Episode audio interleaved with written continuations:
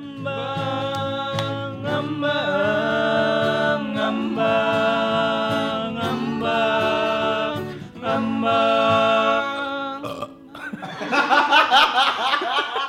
Welcome to Nambah ngobrol sama abang. Di sini ada gue Ferdi. dan gue Deno. Jadi di sini kita bakal ngobrol-ngobrol sama berbagai macam orang. Yes, dengan berbagai macam background Karena kita percaya setiap orang punya ceritanya. masing-masing. Oke deh, hari ini kita Yes. sudah sama siapa nih? Kita di episode perdana kita nih, Fer. Kita menghadirkan seonggok. Seonggok. Seonggok. Yang besar. Yes, bukan orang ya, bukan orang guys. Bukan orang ya? Yakin? Bukan. Oke sih. Terakhir kali gue cek, rasanya sih dia bukan orang. Gue sih agak lihat dia seekor sebenarnya. Seekor. Anjing. Boleh aja seekor. Bisa diem nggak? Nggak bisa, nggak bisa. Ini giliran kita dulu. ngomong, woy. Ah, iya, Kita iya. dulu. Lama. Oke langsung aja ini dia Bampi. Yes, Bampi. Jadi dia meminta sepeda. Jadi di sini sebenarnya lo ngapain? Pi? Di sini gua nggak tahu. Lu pada kontak gua kemarin. Hmm. Kita butuh narasumber nih tentang satu topik. Gua bilang ya udah. Gue bilang topiknya apa? Oh gua lupa kebetulan gue kayak ya ya aja lah bantu temen gitu kan. Jadi lu di sini nggak tahu mau ngapain. Nggak tahu. Lu nggak tahu topiknya. Nggak tahu. Ya udah balik aja lah. Lah gua kira kita mau bikin game show. game show ya. Bukan, bukan. Kayak soal Jepang gimana? Boleh banget. Iya iya iya iya iya. Nih lu sambil minum nih. Eh, ST Super bro. Pel. ST. Tapi sebenarnya gue pengen nyanyi. nyanyi. Oke, gimana Fer? Oke, Pi. Jadi bisa diceritain nggak sih lu tuh siapa? Jadi gua tuh bisa dibilang sebagai jablay korporat lah. Jablay korporat. korporat Iya. tuh eh, jadi Palu Gada ya? Palu gada lah, palu gada. Kalau misalnya anak-anak zaman sekarang ya selama ada duit di mana? Ah, selama ada duit. Sama ada duit, di situ ada gue. Ya. Gitu ya? Selama Gitu ya enaknya ya. pokoknya apa yang dibilang tadi lah. Ya, di mana ada cuan di kerjaan- orang. Kerjaan lu apa? Basically gue sebenarnya ke bagian-bagian digital marketing, Oke. content creation, konsultan gitu lah. Oh, konsultan. Konsultan. Konsultan. Konsultan Yes. buat Ya biar gampang konsultan aja lah ya. konsultan apa nih? Konsultan digital. Konsultan digital. Digital. Betul. Jadi lu anak kreatif gak sih? Anak kreatif bisa dibilang begitu. Kok sombong ya? Eh iyalah, Tapi lu mahal loh kreatif. Tapi lu jangan senang karena zaman sekarang. Apa tuh? Lu tahu nggak arti kreatif itu apa? Enggak. Nggak tahu. Gue kerja aja. Oke, jadi untuk kalian yang nonton jangan tersinggung ya. Kreatif itu sebenarnya kere tapi aktif. Wih, Kok Itu akurat ya? Iya. Kok akurat ya? Mereka itu Sedih adalah gua. orang-orang kere yang butuh cuan, makanya harus aktif. Jadi kerjaan lu Oke. sebagai konsultan ma- marketing digital Yes. buat brand apa aja? Buat brand apa aja yang dia. mau pakai lu. gitu. Betul, yang mau pakai gua dan bisa bayar gua. Jadi kerjanya ngapain kalau kalau konsultan? Biasanya gue dengerin nih keluh kesahnya, eh gue pengen bikin konten nih, tapi kok followers gue nggak mau nge-like konten-konten gue. Nah. Di situ gue masuk sebagai jembatannya. Lu ngelaki. Gue bang. Bisa. Oke. Iya iya iya iya iya. Kenapa gue gak pernah kepikiran itu ya? Jadi lu emang menjembatani. Menjembati Yes. kemauan mereka. Menjembatani bukan menjebati. Menjembut cembutini. Bukan jemput, menjembatani. Eh, ya kurang lebih yang ngebantu mereka lah. Ngebantu bisnis mereka. mereka. untuk uh, exposure mereka. Exposure mereka. Brandnya apa aja? Brand-brand apa aja? Brandnya kurang lebih ada yang fintech, Mm-mm. ada clothing line, ada F&B, ya pokoknya semuanya lah. Tapi kenapa brand mereka bisa pakai lu? Nggak tahu, gue juga bingung ya. Aneh. Itu Udah, mah gampang. Itu mah Mending nggak usah gampang, sih? Apa? Mending nggak usah pakai lu berarti. Iya, tapi nggak tahu ya, mungkin gara-gara pengalaman gue kali. Bukan. pengalaman? Apa? Lu ada pengalaman? Ada 6 tahun doang. Apa? Gitu. Lu udah freelance bagian selama 6 tahun? Enggak, free- jadi gue kerja, sebelumnya gue udah kerja di kantoran, cuman sambil ada freelance-freelancean juga. Oh, Di kantorannya apa? Kantorannya gue digital marketing, ada salah satu brand kemarin yang pernah gue kerja di situ. Ya gue di situ sebagai digital marketingnya Oke. dan Oke. ngurusin sosial medianya segala macam. Oke. Berarti sebenarnya udah cocok sama Ya udah, sekarang lah udah ya. cocok lah, udah cocok. Berarti apa yang lu lakukan sekarang ini udah passion lu? Enggak, Oh enggak. Gue kira ngejablay passion lu bukan. bukan. Menjabat kan itu kan kebutuhan. Kebutuhan berarti. hati. iya.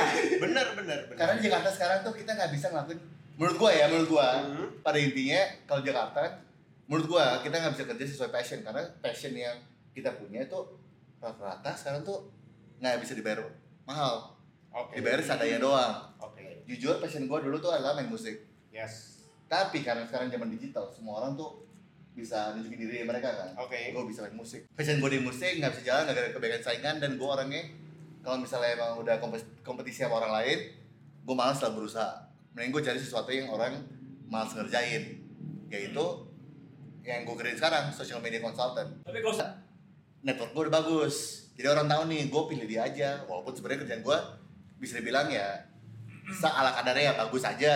Tapi kalau wah banget ya enggak balik lagi kan kalau misalnya lu kerja di Jakarta nih menurut gue mau sebagus apa pun seidealisme apa pun lu itu ya bodo amat orang nggak peduliin kalau misalnya misalnya nih lu ke klien A terus gue saingan lu agensi B lu agensi A tapi gue teman baik nih sama si klien si klien pasti lebih milih gue walaupun sebenarnya servis lu lebih bagus jauh karena dia udah kenal sama udah kenal gue Oh, balik lagi Oke, oke. Trust. Yes. Trust. Trust. Tuh guys, jadi bagi Trust. kalian yang udah merasa mungkin gua kok keren banget padahal enggak enggak keren, Enggak. maksudnya pekerjaannya tuh biasa aja. Terus atau apa? Banyak bergaul deh lu pada ya. Hmm. Nih, lu bisa kontak nomor di bawah ini, Iya. nomornya Bang Pi nanti kita sediain. Bilang Ya, aja sekalian pap ya. suruh pap tete ya guys Pap ya. Jadi kita balik lagi. balik lagi Lanjut topik ya. Duit lu berapa, Pi? Duit gue pokoknya dalam sebulan ya kasarannya ya Kisaran. kisarannya gue Kisaran. bisa menghasilkan minimal 10 ke atas lah 10 ke atas. Sebu Cukup itu lah. Sebulan tuh. sebulan Kok ngejablay segitu ya? ngejablay aja segitu Gila lu ya berarti. ya. Tolongan ya.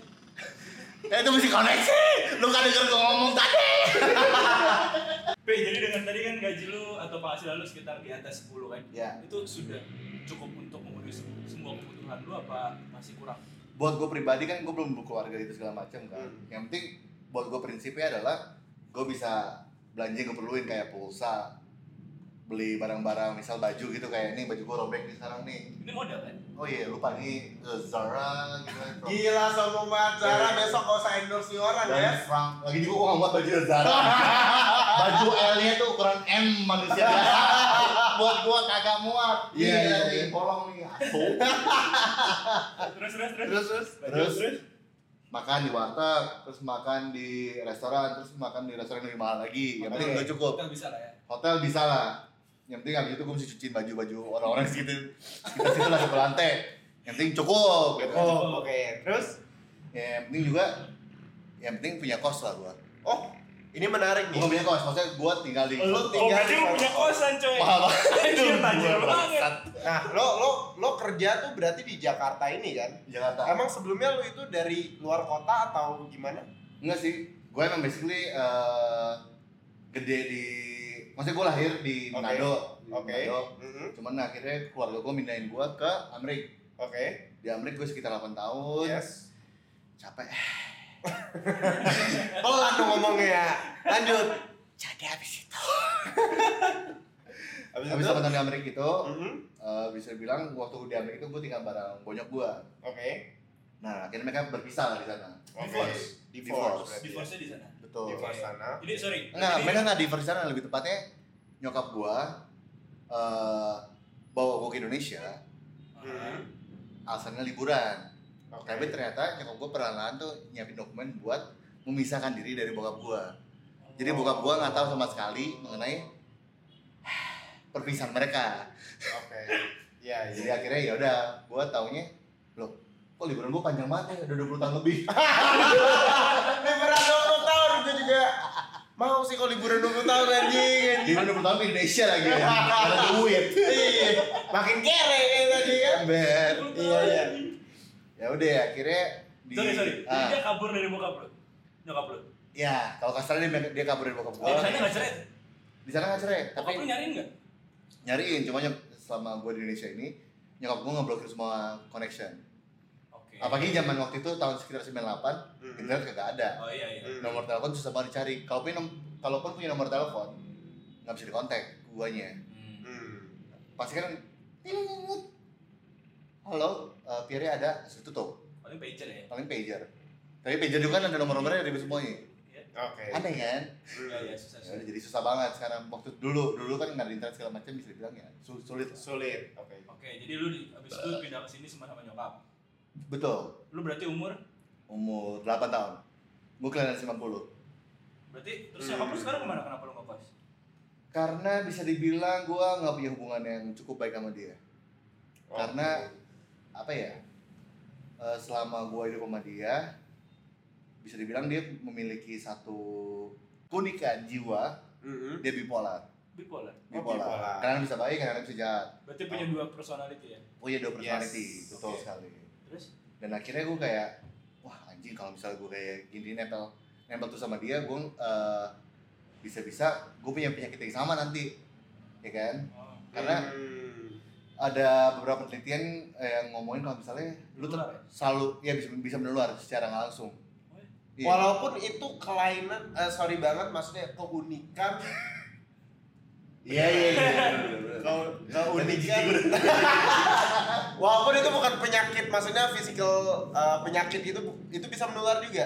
bisa karena satu kebiasaan bisa membuat orang jadi nyaman Oh, sama oke. dengan cinta kenapa gue dulu kayak gitu banget Yes, gua gua nggak enak. Gua takutnya balik dari take ini, gua juga hombreng. Menular. Ih, Nular. Ini nular. Menular kan? nah kurang lebih sama kayak gitu katanya Jadi lu home eh, mirip. Jakarta Oh, eh, Jakarta. Apa aja yang tujuan ya? apalagi tujuan Iya, iya, iya. Oke lanjut ya tadi. Lanjut, lanjut. Eh, jadi intinya adalah ya Jadi lu mau karena gue gue gue akhirnya move out um, dari dia sekitar sebelum gue SMA SMA itu tahun berapa ya gue Oh, nggak tahu kan lu yang SMA. eh 2009 2009 gue lulus SMA Iya. Oke.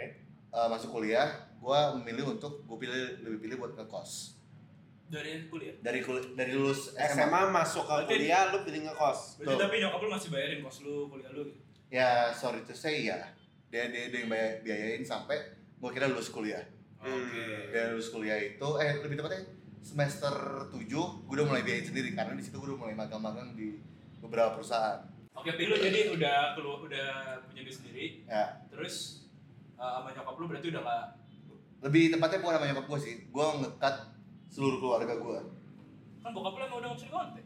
eh bokap gue kan tapi sekarang udah zaman internet. Dia sebenarnya udah ngontek gue Oh iya. dia udah ngontek gue Oke. cuman kan masalahnya gue udah gede tapi dia baru datang ke kehidupan gue sekitar gue umur 21 22 20 tahun. Cuman gue terbiasa sendiri. Istilahnya kan eh, individualism individualisme gue udah terbentuk tiba-tiba lu masuk kehidupan gue Kayak stranger berarti ya. jadi kan awkward ya kenapa lu mesti tiba-tiba datang di saat yang salah gitu Salah. Jadi lu jadi sekarang bokap lu di Indo. ya enggak bokap gue masih di Amrik Oke. Oh, dia cuma reach out uh, via- reach out via medsos Facebook aja. gitu kan. Oke. ya udah kacangin gitu. ngobrol ngobrol cuman kayak istilahnya gue nggak mendapatkan esensi dia keluarga gue gitu. Soalnya menurut gue Mhm. gua buat gue pandangan gue sendiri sebagai seorang individualisme individualistis di Jakarta eh, keluarga gue adalah teman-teman gue sendiri lu lu lu Oke. karena mereka yang ngeliatin gue struggle lah dalam sehari-hari segala Oke. macam susah makan lah susah nyari kosan lah nggak bisa bayar kos segala macam Hmm. dan ya mereka yang support hidup gue karena bisa dibilang dulu pas gue lagi bener-bener lagi di down down banget Hmm. gue kontak keluarga gue keluarga gue bilang kamu eh, baik berdoa dong Hmm. kamu masih baik berusaha cuman kan kalau misalnya eh, kayak gitu terus kan ya Ya.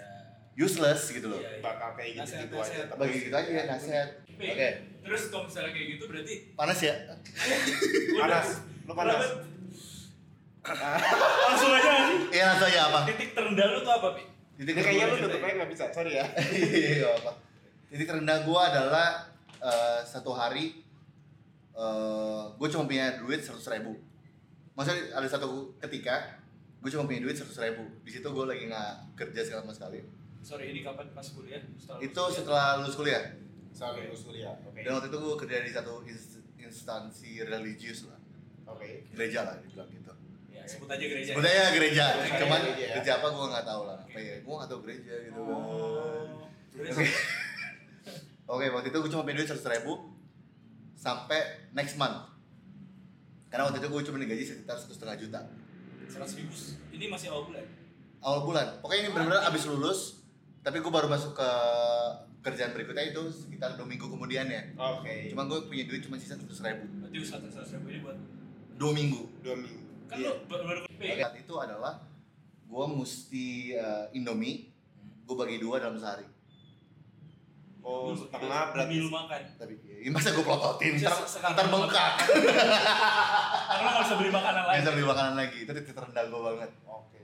dan akhirnya waktu itu gue ngejual gitar gue dan itu kayak wah anjing. Kurus kurus itu men. Waktu itu berat gue sekitar 90 kilo. Sekarang gue 114 90 kilo tuh kudus Enggak, dibandingin dia pada pak badan saya tinggi pak ya Allah. Oh, kurusnya tulangnya berat. 90, ya. gue gue Iya, 90 90 aja tuh gue udah kayak orang gunung. Kalau orang gunung. Orang gunung di Manado. Oh. dibilangnya binyo binyo gitu lah. Hmm. karena gue kan keturunan Manado. Oh. Oke. terus dari situ Terus. berarti lu cukup tuh 100 ribu akhirnya bisa hidup iya cukup. 100 ribu dong? Terus ribu cukup gue dua minggu. Serius? Cuma gue nggak boleh ke mana-mana anjing.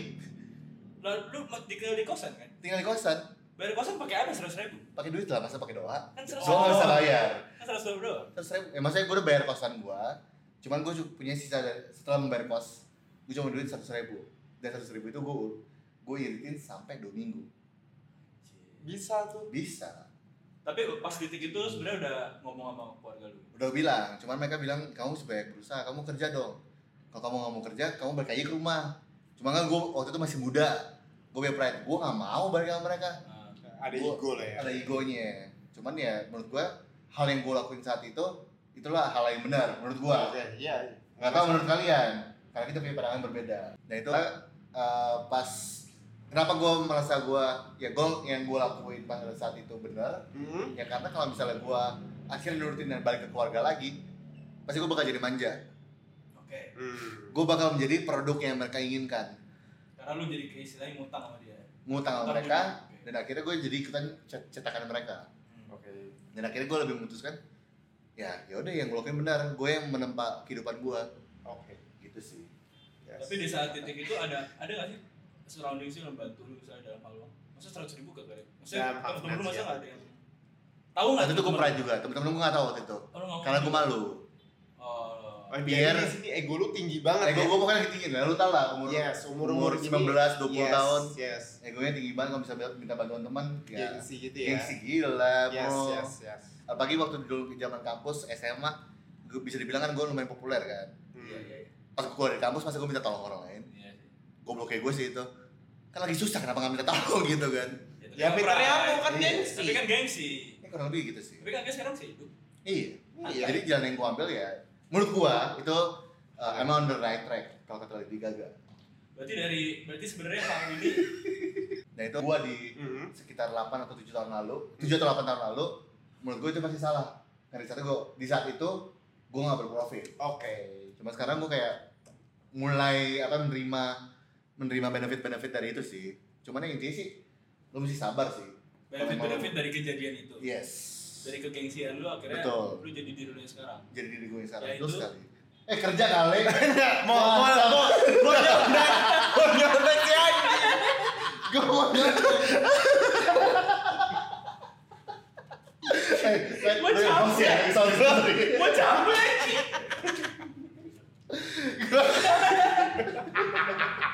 Gak kan mau nyontek. Abis ini harus ngomong apa nih?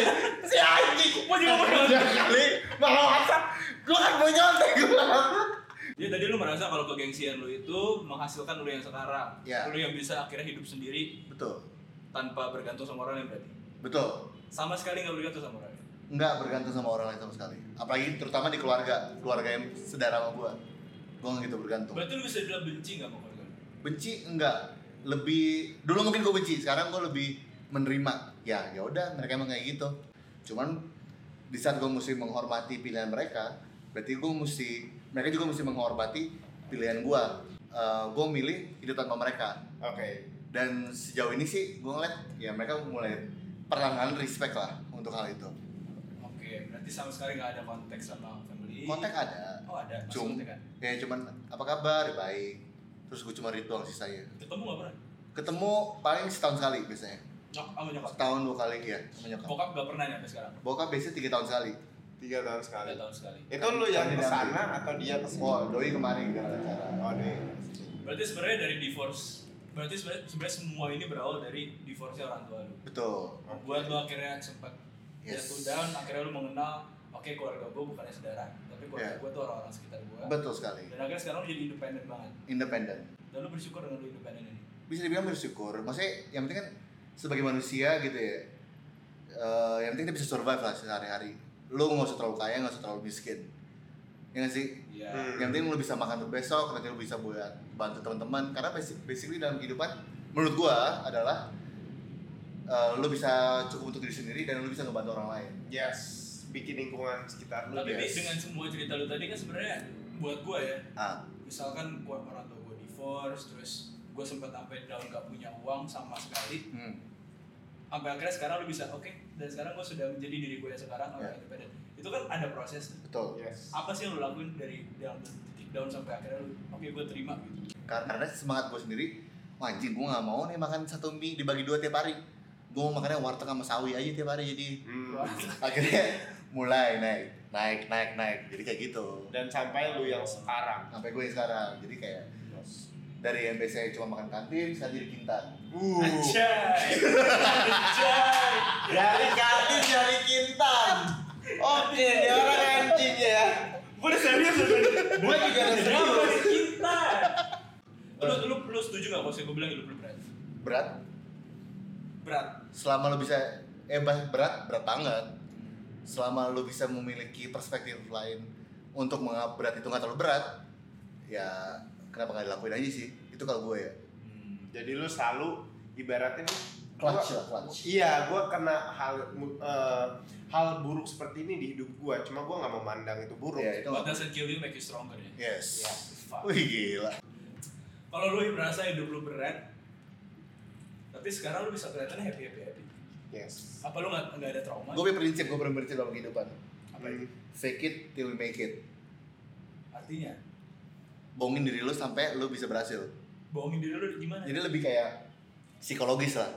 Jadi kalau misalnya karena orang kalau misalnya gue sedih anjing gue galau banget lah. Taruh eh, apa kotes-kotes sedih di story segala macam. Hmm. itu hal yang ngomong gue nggak mau lakuin. Gue membohongi diri gue untuk gue nggak sedih. Jadi istilahnya bisa dibilang gue hidup dalam kebohongan. Oke. maksudnya yang membohongi gue adalah gue sendiri Oke. jadi itu kayak lebih kayak something psychological lah Itu nggak membuat masa lu makin tertekan. enggak Does it work? Itu gue kepo loh. Itu berhasil gak sih? berhasil sih Berhasil. ini gue happy happy aja Itu nggak apa-apa nggak gue apa-apa. ada kesedihan tiba-tiba gue keinget nih masa lalu oh kok nyokap gue kayak gini banget well it's life shit happens Hmm. Oh, berarti lo gue kayak nggak bisa ngubah orang lain gue bisa ubah diri gue sendiri fake it. Sampai akhirnya gue berhasil memaklumkan segala hal. Memaklumkan, Kayak iya. gini, ya udahlah santai aja gitu. Iya. Dan itu berhasil. berhasil cuma mungkin lo bisa tanya lagi gue 20 tahun lagi berhasil apa enggak di saat gue udah punya anak Oke. Oh, 20 tahun lu punya anak ya? kalau gue misalnya 20 tahun lagi gue punya anak eh, tapi ternyata malah keluar dukungan misalnya nggak berhasil ataupun eh, menjadi jauh lebih baik ya mungkin lo bisa tanya lagi ke gue itu fake it till make it lo itu berhasil nggak sampai lo tua Jadi fake it till make it itu untuk lu individual individual seorang lu nih ya. Iya. Itu berhasil berhasil sampai saat ini. betul sekali Tapi belum tentu untuk orang lain itu berhasil.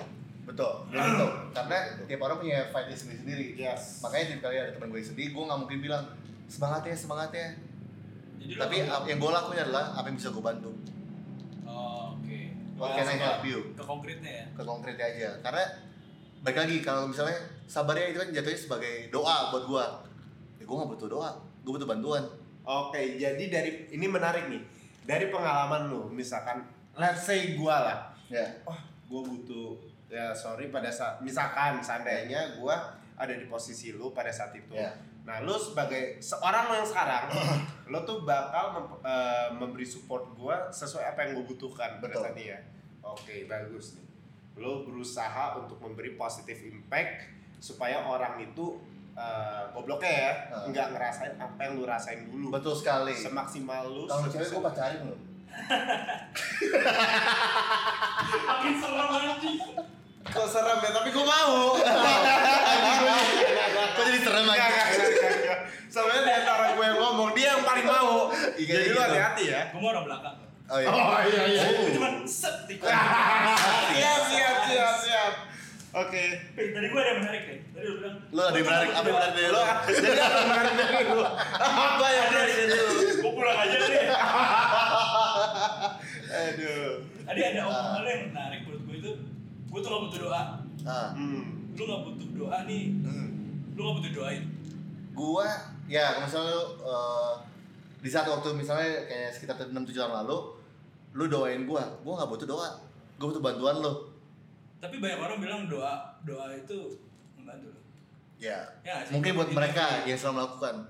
Karena kalau misalnya buat gue sendiri, bukannya gue memandang agama itu sesuatu yang salah atau Ah. agama itu eh, sesuatu yang sangat baik. Menurut gue, Hmm. yang gue butuhkan sesuatu yang realistis, which is entah itu money atau itu makanan yang diberikan langsung pas gue lagi susah. Itu yang gue butuhin. Jadi lu butuh bantuan yang Konkret. tangible lah, Betul. yang lu butuhkan pada saat momen tersebut. 10 jibel, tangible. Oke guys, kita Jadi tadi, ah, jadi tadi kalau misalnya kayak gitu eh, lu maksudnya nggak nggak terlalu meyakini dengan atau nggak membutuhkan doa doa hmm, semangat semangat doa dari orang-orang ya berarti kalau doa kan konotasinya juga agak menyimpang dengan keyakinan gak sih kurang lebih sih. nah Hmm. keyakinan lu gimana sih sebenarnya apa ya karena orang selalu nganggap keyakinan itu selalu terletak di satu denominasi lah ya anjing pintar banget bahasa gue ya gua gak menyangka ini akan keluar dari mulut lu gue juga mas. lu udah mabok lu udah beler ya Udah beler. oke lanjut nggak Lanjut, nggak, berarti, ya. satu keyakinan itu ter apa tadi gue bilang ya Denominasi, lu udah mabuk bego. ya Cepet aku balikin ya. nyangkut di satu denominasi atau Yes, bisa dibilang yes. nyangkut di satu agama tertentu Agama tertentu. Oke. dan akhirnya itu berujung kepada Tuhan mana yang lo bakal ini kan apa istilahnya. Tuhan mana yang lo percaya Yakini dengan cara menyembahnya atau gimana? terus orang-orang suka nanya suka nanya sama gue Hmm. let's say lu beribadah, beribadah di mana Hmm. ya gue bilang gue nggak beribadah loh lu berarti ateis dong kagak menurut gue Tuhan itu lebih kayak apa yang gue bisa lihat secara langsung karena gue bisa bilang lu adalah Tuhan lu adalah Hmm, Tuhan lu adalah oke. Tuhan karena eh, kata siapa dulu pokoknya zaman dulu tuh adalah Tuh, eh, God is everywhere omnipotent Hmm. Eh, omnipotent bener bener Bener, bener, bener. omnipotent dan di waktu kapan aja Ya. jadi ya kalau misalnya tanya jadi lu em, ateis dong enggak gue gak ateis Hmm. gue percaya deh Tuhan kok Oke. cuman Tuhan itu nggak terletak di agama balik lagi Oke. Oke. Kembali yang lu omongin tadi ya. Tuhan tuh bisa apa Muter ya, saja, di mana aja, kapan saja gitu ya. yes betul Jadi kepercayaan lu Tuhan itu gak dilabelkan dengan agama. ya nggak ditaruh di satu instansi nggak ditaruh di label Tapi Nggak- Tuhan itu universal. yes Apa pun itu, universal. siapa pun itu bisa Yes. jadi Tuhan itu terdepends on apa tergantung apa. tergantung Kan, di, Nah, gimana tergantung. cara lu bisa melihat dia Yes. Tuhan? Menganggap itu Tuhan gitu.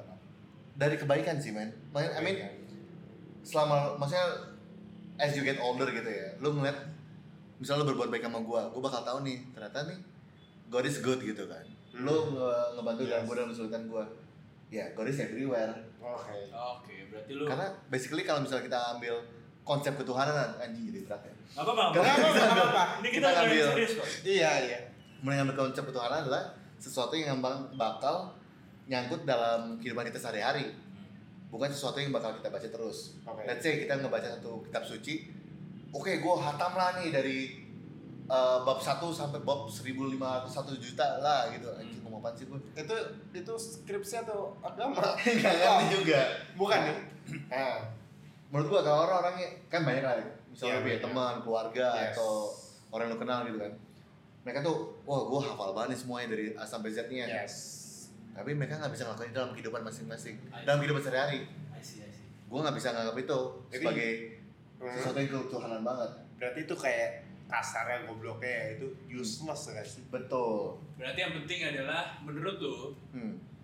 asal manusia orang asal orang itu berbuat baik, Yes. dia sudah mencerminkan Tuhan. ketuhanannya itu Mencerminkan sendiri ketuhanan itu sendiri. ya sekarang balik lagi aduh jadi karena balik lagi eh, kita sendiri, sendiri belum ada orang yang bisa ngeliat Tuhan itu kayak gimana kan Iya, Yes. nggak bakal ada lah. tapi lu bisa rasain Bisa. kebaikan Yes. Tuhan kebaikan Tuhan yang lu bisa rasain dari perbuatan baik orang lain Yes. Pi, jadi kita untuk merangkum semuanya nih, Pi. ya Ini terakhir nih buat lu ya, siap sebelum pulang. oke Jadi dari semua berawal dari uh, divorce-nya bokap nyokap lu, terus uh, akhirnya lu menjadi mendapatkan moto lu independen dan Ya. akhirnya lu uh, sampai saat ini titik lu sudah mandiri, sudah merasa itu semua adalah ble- blessing ya? Blessing lah Blessing ya. apa sih moto dan juga uh, value hidup yang lu pegang sampai saat ini dan sampai mungkin sampai ke depan nanti selain tadi yang fake it, Oke, oke. make it dan lain-lain. Fake it till make it udah pasti ya satu. Itu satu ya. Kedua, Oh, ketawa. lucu soalnya. Oh, lu Diulang gua ngomong anjing ngapain diulang? namanya host itu kan men- mengulang biar orang yang nonton lu sih yang kita hostnya. Oh iya. Sih suka kita.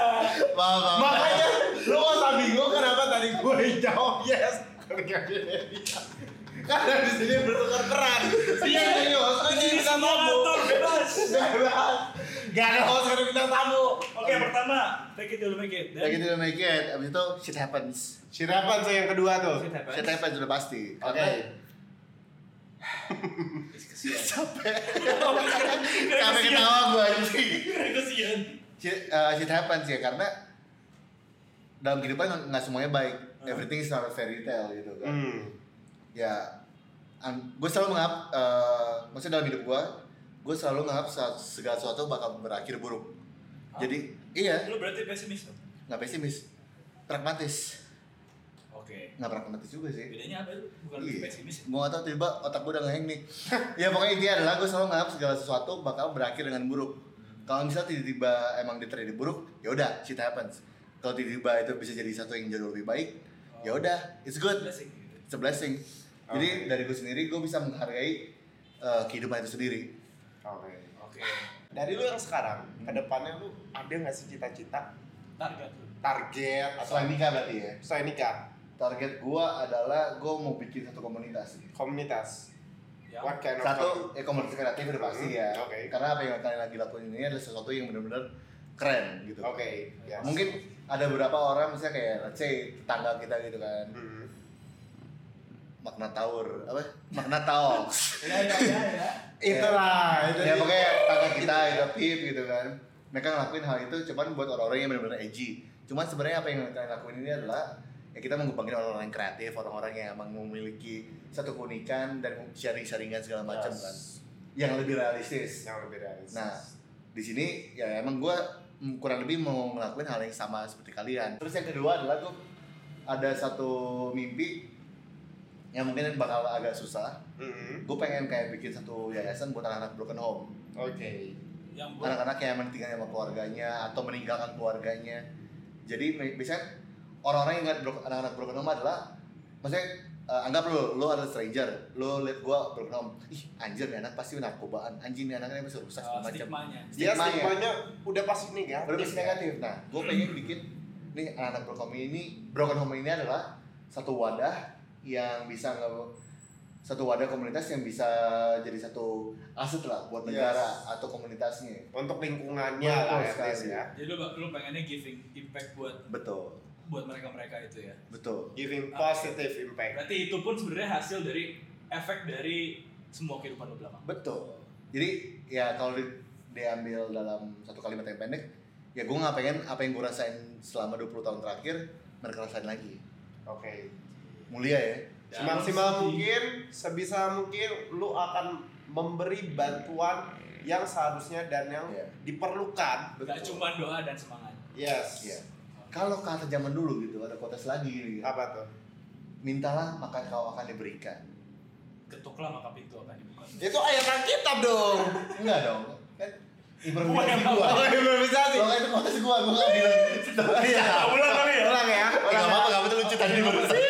Mintalah maka kau akan diberikan Iya. gitu. Makanya Dan- selama misalnya teman-teman gua atau siapa pun uh, let's say junior atau junior junior gua gitu kan minta tolong kalau mereka nggak nanya atau nggak minta tolong ya gimana mau bantu Ya lu gak tahu. I don't know your shits gitu kan ya gitu Ya pokoknya berarti dari semuanya ini eh, lu pengen dari semua center semua yang sudah terjadi ke lu, shit Hmm. yang happens ke lu, lu pengen itu nggak happen ke orang lain, Betul. dan lu pengen membuat satu wadah untuk mereka orang-orang yang broken home jadi Yes. supaya stigma orang-orang bisa berubah gitu ya. betul sekali Gak nyangka gue dari Bang Pi bisa dapet kayak gini ya. oke Aduh, jadi kita rap ini adalah sebuah interview kita yang pertama. yes interview kita yang pertama di Ngambang ini, jadi yes eh, ke depannya akan ada beberapa lagi yang kayak gini ada. akan ada beberapa bintang tamu yang akan kita hadirkan tentu saja dengan keunikan mereka yang akan kita angkat dan cerita-cerita menariknya itu loh Yes, tepat sekali. Betul. jadi gue Ferdi Gua Neno, dan kita Bambi kita semua pamit bye bye undur diri. Sampai jumpa di next episode. Bye. Bye.